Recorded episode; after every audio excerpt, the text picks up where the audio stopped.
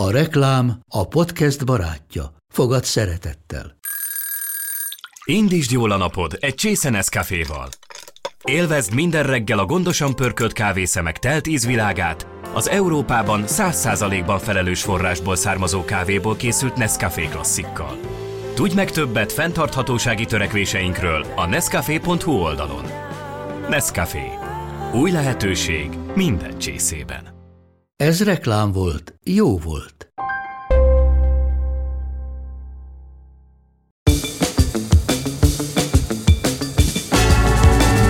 Ez az Időutazók Podcast a Dívány munkatársaival. Ha van fél órád, fejtsük meg együtt, valóban jobb volt-e régen, mint most. Kollégáimmal arról beszélgetünk, hogy a múlt milyen kapcsolatban áll a jelennel. Múltidézés, aktualitások, kultúra és sok-sok egyéni nézőpont a szerkesztőségünkből. Mit neveztünk karriernek egykor és most? Mitől lehetett valaki sikeres? Hogyan jelennek meg a nemi különbségek a karrier terén? Beszélhetünk még üvegplafonról? Kollégáimmal Kálmán Szonya és dr. Hujber Szabolcs vezető szerkesztőkkel a karrierutakról beszélgetünk ebben az epizódban. Én Reiber Gabriella vagyok, ez az Időutazók Podcast. Köszöntelek benneteket. Sziasztok! Sziasztok! Rögtön fel is tenném az első kérdésemet, amivel itt bevezettem a témát. Mit neveztünk karriernek egykor? akár az ókorban. Nem volt társadalmilag ennyire kimunkálva, hogy milyen útvonalak mentén, milyen szertágazó módon érvényesülhet valaki, sokkal inkább be volt határolva, és ezért nem is feltétlenül gondolkodtak ennyit. Tehát nem, nem biztos, hogy annyira önreflektív volt, hanem egyszerűen az ember élt a lehetőségeivel, azzal a kevéssel, amit a társadalom kínált. És milyen lehetőségei voltak?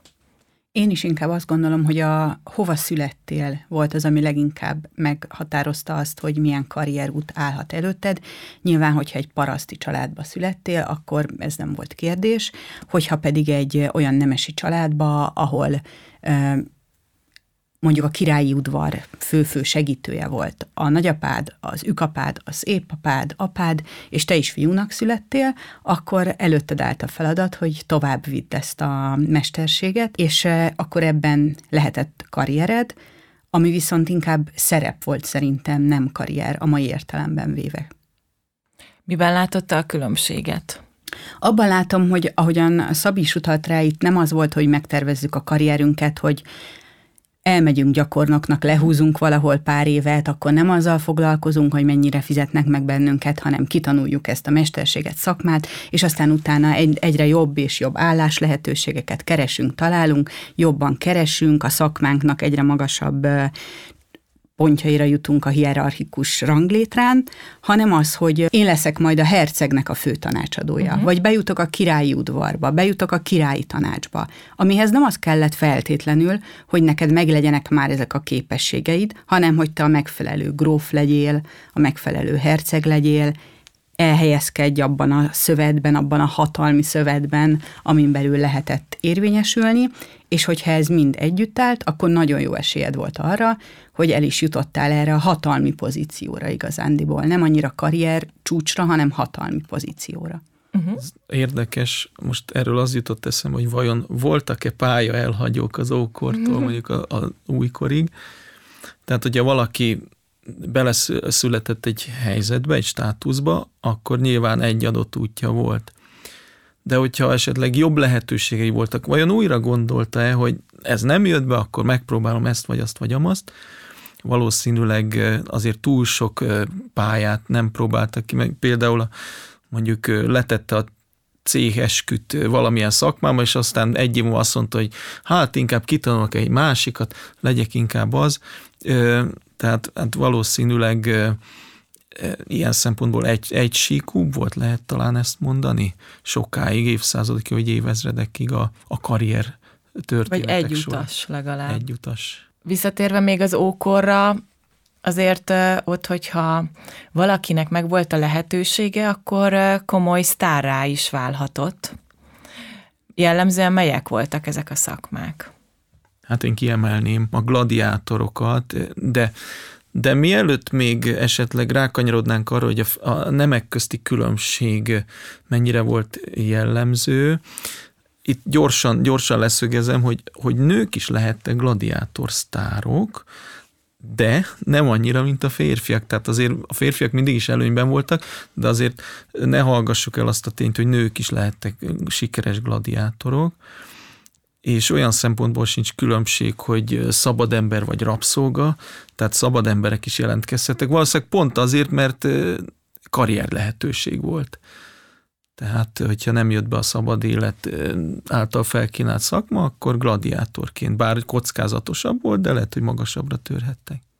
Viszont az ábrázolásokban, ahogyan ábrázoljuk mondjuk ezt a világot a filmekben, különböző történetekben, nem nagyon jelennek meg a nők gladiátorként.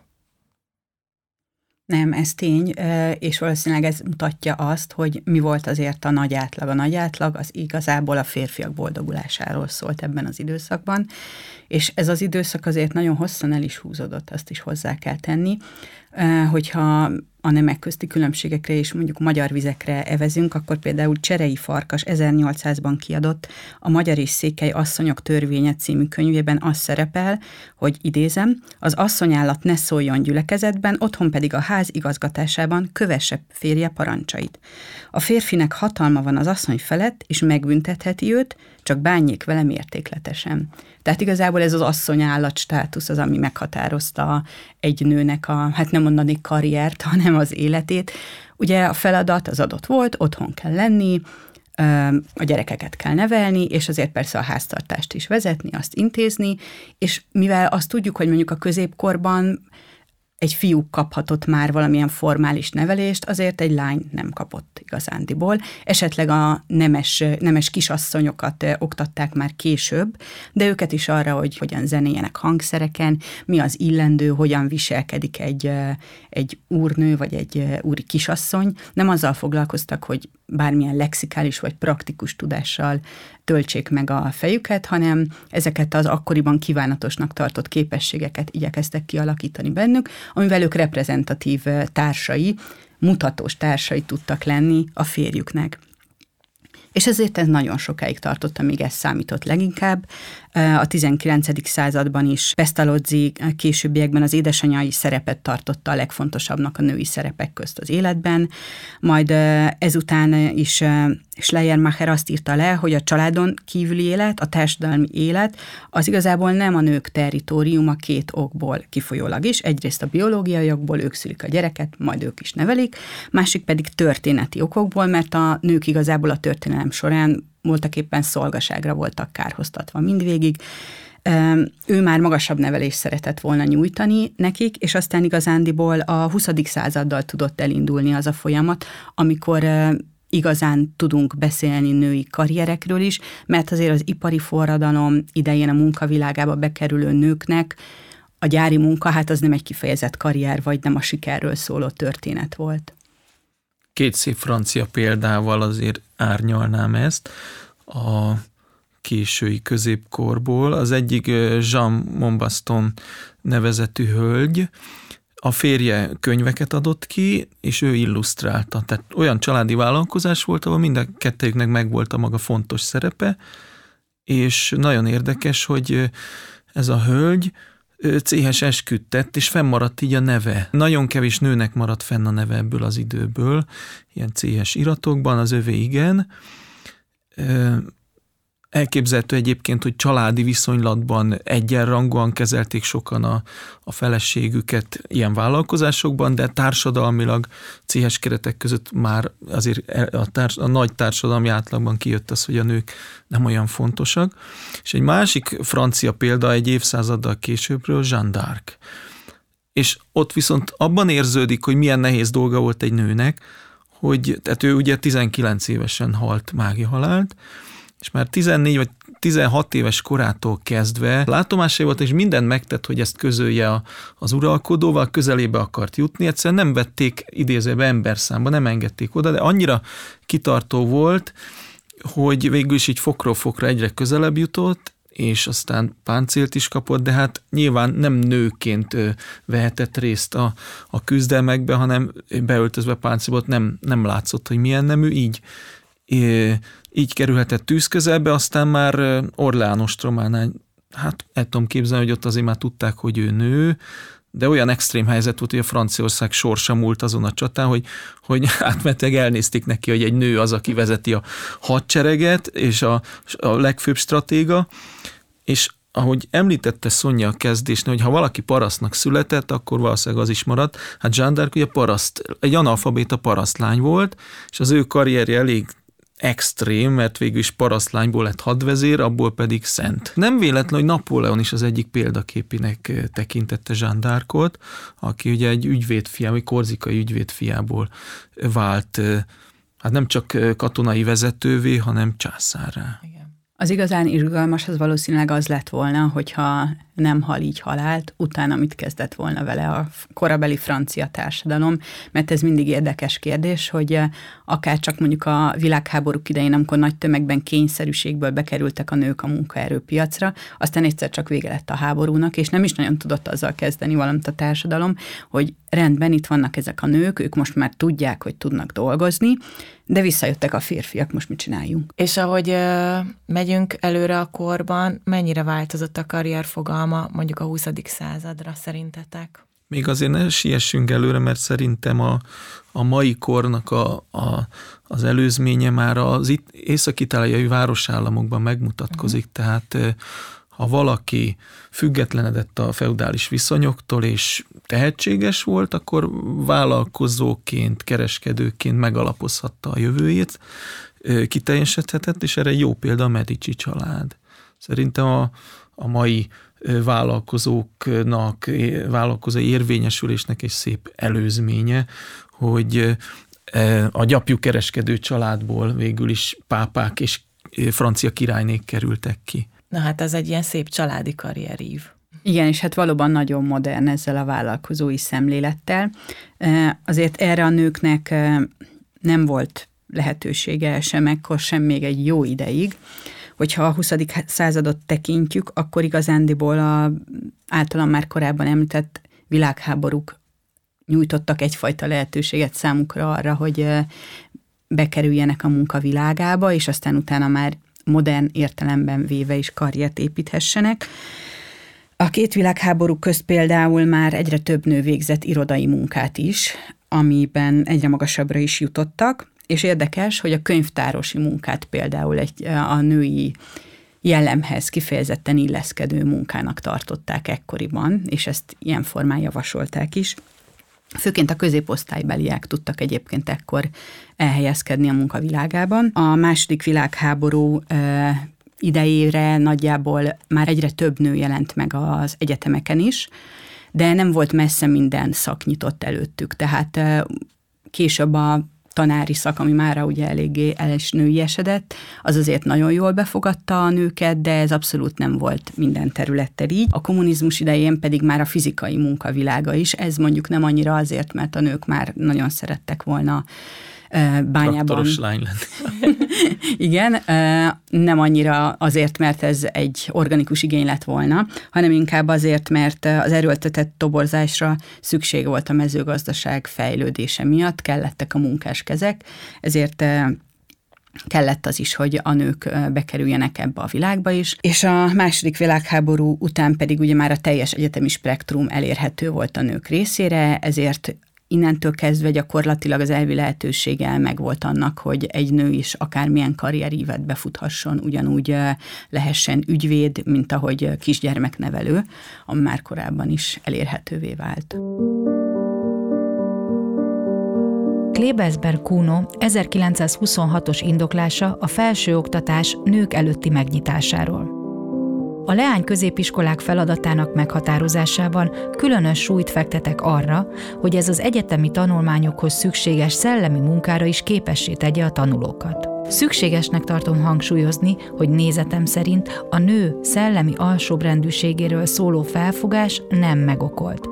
Abból, hogy a nő szellemi hajlamai eltérőek a férfi nemétől, nem következik, hogy képességei alsóbrendűek a férfiakéinál.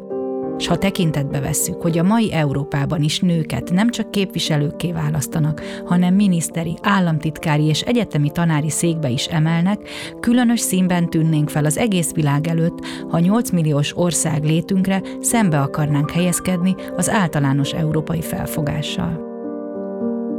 Tudtok még ilyen példákat mondani régről, és a jelen világunkból, amelyek tipikus férfi vagy tipikus női munkák? Mert érzékelem, hogy ugye, tehát itt amikor karrierről beszélgetünk, akkor nem tudunk elmenni amellett, hogy azért igenis van különbség egy férfi és egy női karrierút között. Hát igen, Magyarországon például a politika az még ma is inkább egy tipikusan férfi terep. Nem azt mondom, hogy nincsenek a hangjukat hallató, erős hangú női politikusok, de hogyha megnézik mondjuk a parlament összetételét, akkor azért azt látjuk, hogy erős férfi fölény van. A, ugye a tanítás területe az nagyon elnői esedett, a fizikai munka az viszont, hát nyilván ezt mondhatnánk, hogy a jellegéből adódóan férfias maradt továbbra is. Szerintem ami a korokon átívelően mindig is a férfiak szakmája lesz ez a katonáskodás. A 19. század is jól rávilágít arra, hogy egyrészt egy menekülési útvonal volt karrier szempontjából, másrészt férfi téma volt az irodalom, és a vörös és fekete Stendhal regénye például, ugye a, a vörös és a fekete, tehát a katonaság vagy a papság, ez egy karrier dilemma, de abszolút férfi uh-huh. centrikus karrier dilemma, és ennek az évszázadnak a nagy karrierje Napóleoni, aki egy férfi, és mondjuk Kutuzov a nagy ellenség, aki katona családba született, és nyilván elkerülhetetlenül katona lett, azért teszem hozzá, az az érdekes, hogy Kutuzov volt egy rövid ideig matek tanár is, de azt is tudjuk ugye, hogy a tanítás nagyon sokáig, vagy kezdetben nem női szakma volt. Most egyébként a uniós átlagban 75 százalékban nők uh-huh. tanítanak, 60 millió tanárból 45 millió körülbelül a nő az Unióban, nálunk szerintem ennél egy kicsit még magasabb is a nők aránya, tehát hogy a 80 fölé is megy, ez 80 százalék fölé. Üvegplafonról még beszélhetünk szerintetek? Szerintem egyértelműen beszélhetünk róla. Már csak azért is, mert ugye ami egy biológiai meghatározottság, hogy gyermeket szülni nő tud, az azért kihat a karrierutakra nagyon erősen ma is.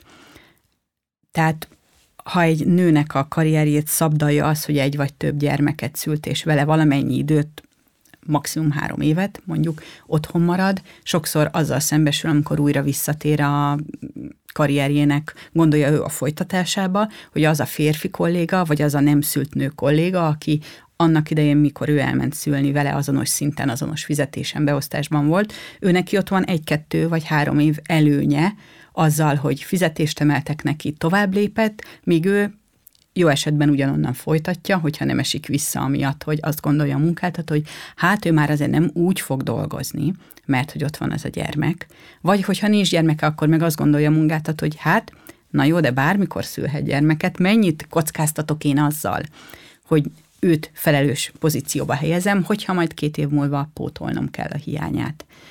Az is ismert, hogy ugye létezik egy úgynevezett gender pay gap, azaz fizetésbeli különbség a két nem közt, hát ez ugye számszerűsíthető, tehát ezt sem tudjuk igazából tagadni, és van még egy nagyon érdekes jelenség, az, hogy még ha egy nő lépdel is felfelé, ugyanúgy a ranglétrán a karrierjében, ahogy egy férfi, hogyha egy férfi már felsővezetői szintre kerül, akkor az ő otthoni teendőinek a száma csökken azzal egyenes arányban, ahogyan előre halad. Egy nőnél ez nincs így. A nő akkor is ugyanazokat a házi munkákat, feladatokat, otthoni munkákat végzi, hogyha vezérigazgató, mint amikor még sokkal lejjebb járt a ranglétrán. Tehát, hogy itt egyszerre kétféle karrier van már, hogyha ezt az otthoni karriert is annak nevezhetjük az ottani munkájában, az ottani láthatatlan munkájában is ugyanúgy be kell töltenie azokat a feladatokat, mint ahogyan a karrierjében, a fizetett munkájában elvégez feladatokat. Szerintem az üvegplafon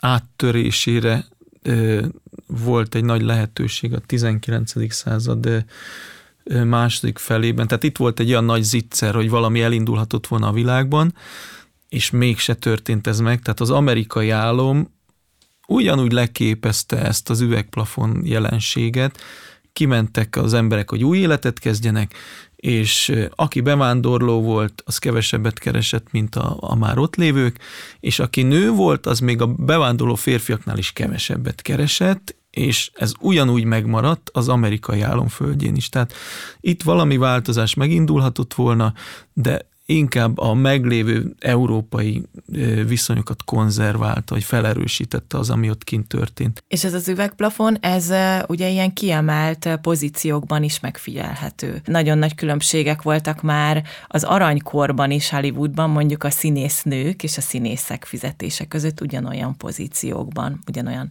sztár pozíciókban. Hogyha adatok bizonyítják, hogy a nőknek kevesebbet adtak, az egy dolog miatt lehetett, az pont ugyanaz, mint hogy miért nincsenek gladiátornők. Azért, mert ezeket az ábrázolásokat férfiak készítették, és a férfiak férfiakat ábrázoltak. A férfi történetírók a férfiak történetét írták meg, a hollywoodi rendezők, forgatókönyvírók, producerek, stúdió tulajdonosok férfiak voltak alapvetően, tehát az ő uh-huh. nem tudtak kívülre kerülni a, attól a gondolkodástól, amiben beleszülettek, és tovább örökítették ezt. Tehát számukra természetes volt, hogy a nőnek nem kell többet adni, megelégszik kevesebbel, vagy legalábbis Hát nem tudom, miért volt ez a gondolat. Nagyon érdekes egyébként, amit most említettél a férfi történetírókról, mert ez alapján egyébként simán lehet, hogy befolyásolva van az a kép, amit mondjuk gondolunk a régmúltról, azáltal, hogy, hogy jellemzően tényleg férfi történetírók írták meg ezt nekünk.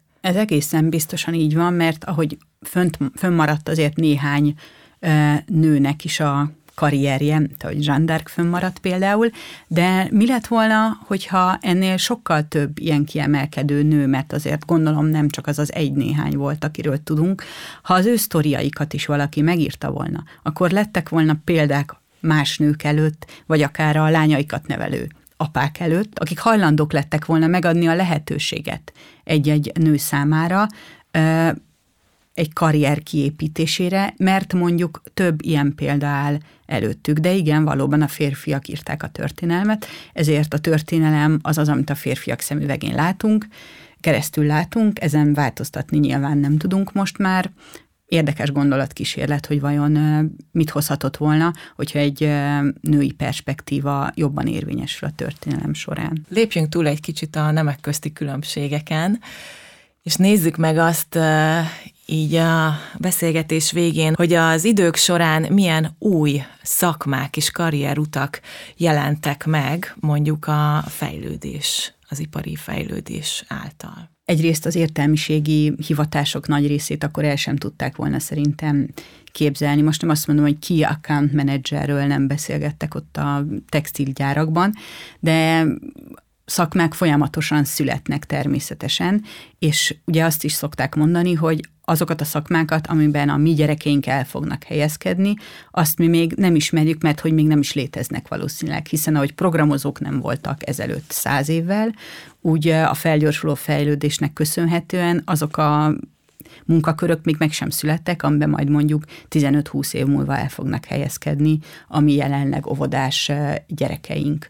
Tehát ez egy állandó változás, és nem csak az, hogy milyen karrier lehetőségek, milyen pozíciók vannak nyitva, hanem az is, hogy mi emberek mit tekintünk jövőképünknek, karrierképünknek, mert hogyha azt nézzük, hogy mondjuk a mi szüleink generációja, a boomerek, ők úgy gondolták, hogy az a biztos, hogy 10-20-30 évet, esetleg a teljes karrieredet lehúzod egy munkahelyen, akkor tudod, hogy majd korán nyugdíjba mész, és azzal így minden rendben lesz, ott csak teljesíteni kell a megkívánt minimumot nagyjából.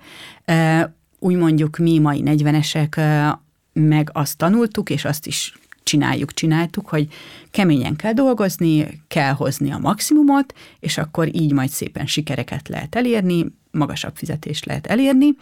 Úgy mondjuk egy eh, Z-generációsnak, ez már abszolút nem jövőkép, már máshogy nevelték a szülei eleve, őt nem erre a folyamatosan kemény munkát kell végezni etikára, hanem sokkal inkább arra, hogy ő jól is érezze magát közben, Nyilván mi is azért vágyunk arra, hogy jó, kellemes környezet legyen a munkánk, de egy mai 20 éves munkavállaló ezt mindenek fölé helyezi gyakorlatilag, és ha ő nem érzi magát jól a munkahelyén, akkor minden szívfájdalom nélkül lép, két évnél tovább nem nagyon tervez egy mai fiatal munkavállaló munkahelyen, és ez nagyon sok nehézséget is okoz, mert amikor a 20 éves pályakezdő, meg a 60-as nyugdíj előtt álló egy helyen van, és köztük több generációnyi szakadék van, akkor ők egyszerűen nem tudnak mit kezdeni egymás munkaetikájával, ezért is nehéz számukra a közös munka, mert egyik sem érti feltétlenül, hogy a másik miért úgy áll hozzá a karrierjéhez, a munkavégzéséhez, ahogyan, és mind a kettejüknek igazából a generációjában van kódolva az, hogy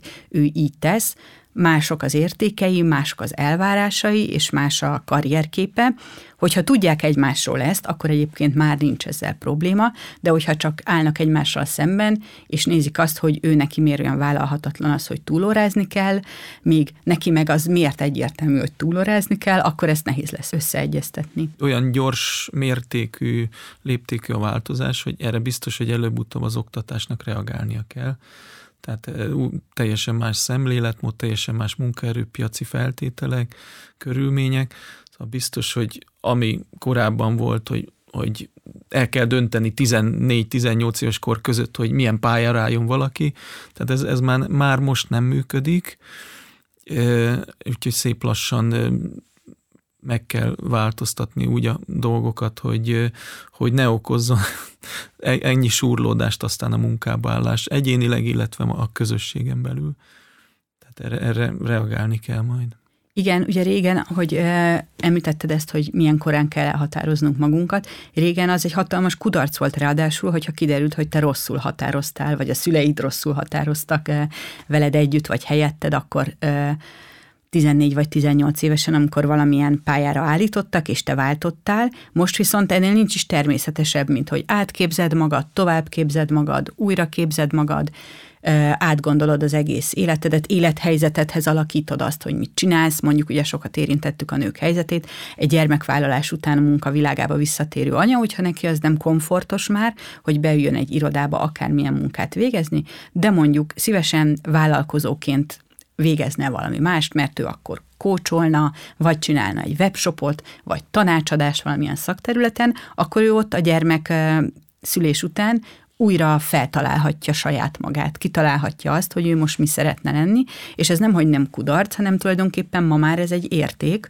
ami korábban szinte elképzelhetetlen lett volna, és hát ugye érintettük már a vállalkozói életformát is, mondjuk pont a boomerek generációja számára ez egy teljes létbizonytalanságot jelentett volna, hogy nem jön minden hónap ötödikén vagy valahanyadikán egy X összeg, amiről ő pontosan tudja, hogy mennyi lesz a számlára, hanem te vállalkozóként amennyit kitermelsz magadnak, annyit van. Van, aki meg ebben tud ugye manapság kiteljesedni. Sokkal inkább a saját kezünkben van a kontroll. Így van, igen, és bármikor változtathatunk azonnal, amikor úgy érezzük, hogy szükséges.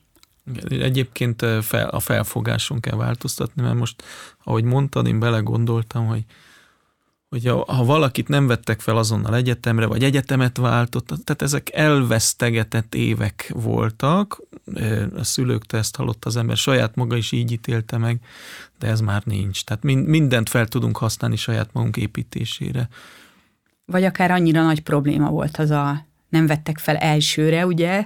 Tehát, hogy már talán a mai 40-eseknél inkább ez volt, hogy elsőre nem vettek föl, akkor menj egy OK-éra, csinálj valamit, és majd másodikra. Korábban nem volt ilyen, hogy elsőre, mert nem vettek fel, akkor viszont el kellett menni dolgozni, mert mondjuk a család azt nem engedhette már meg magának, hogy még egy évet finanszírozzon a diák életből a gyereknek, akkoriban még ez a munka és tanulás egyszerre, ami most már nagyon sokaknak lehet, hogy megélhetési szempontból, de lehet, hogy tapasztalatszerzési szempontból teljesen természetes, akkoriban nem. Hát akkor nem sikerült a tanulás, akkor most munka van. Hát meg olyan nincs, hogy nem csinálunk semmit, ugye? Így van, igen. Nagyon szépen köszönöm, hogy itt voltatok velem, és kicsit bele tudtunk nézni a tükörbe karrierterén. Ez volt az Időutazók, a Divány podcastje. Ebben az epizódban Kálmán Szonya és dr. Hujber Szabolcs vezetőszerkesztőkkel beszélgettem arról, mit nevezhetünk karriernek régen és most. Ha tetszett ez az epizód, kattintsatok a divány.hu-ra, ahol bővebben olvashattok erről a témáról is. És kövessetek minket a Facebookon.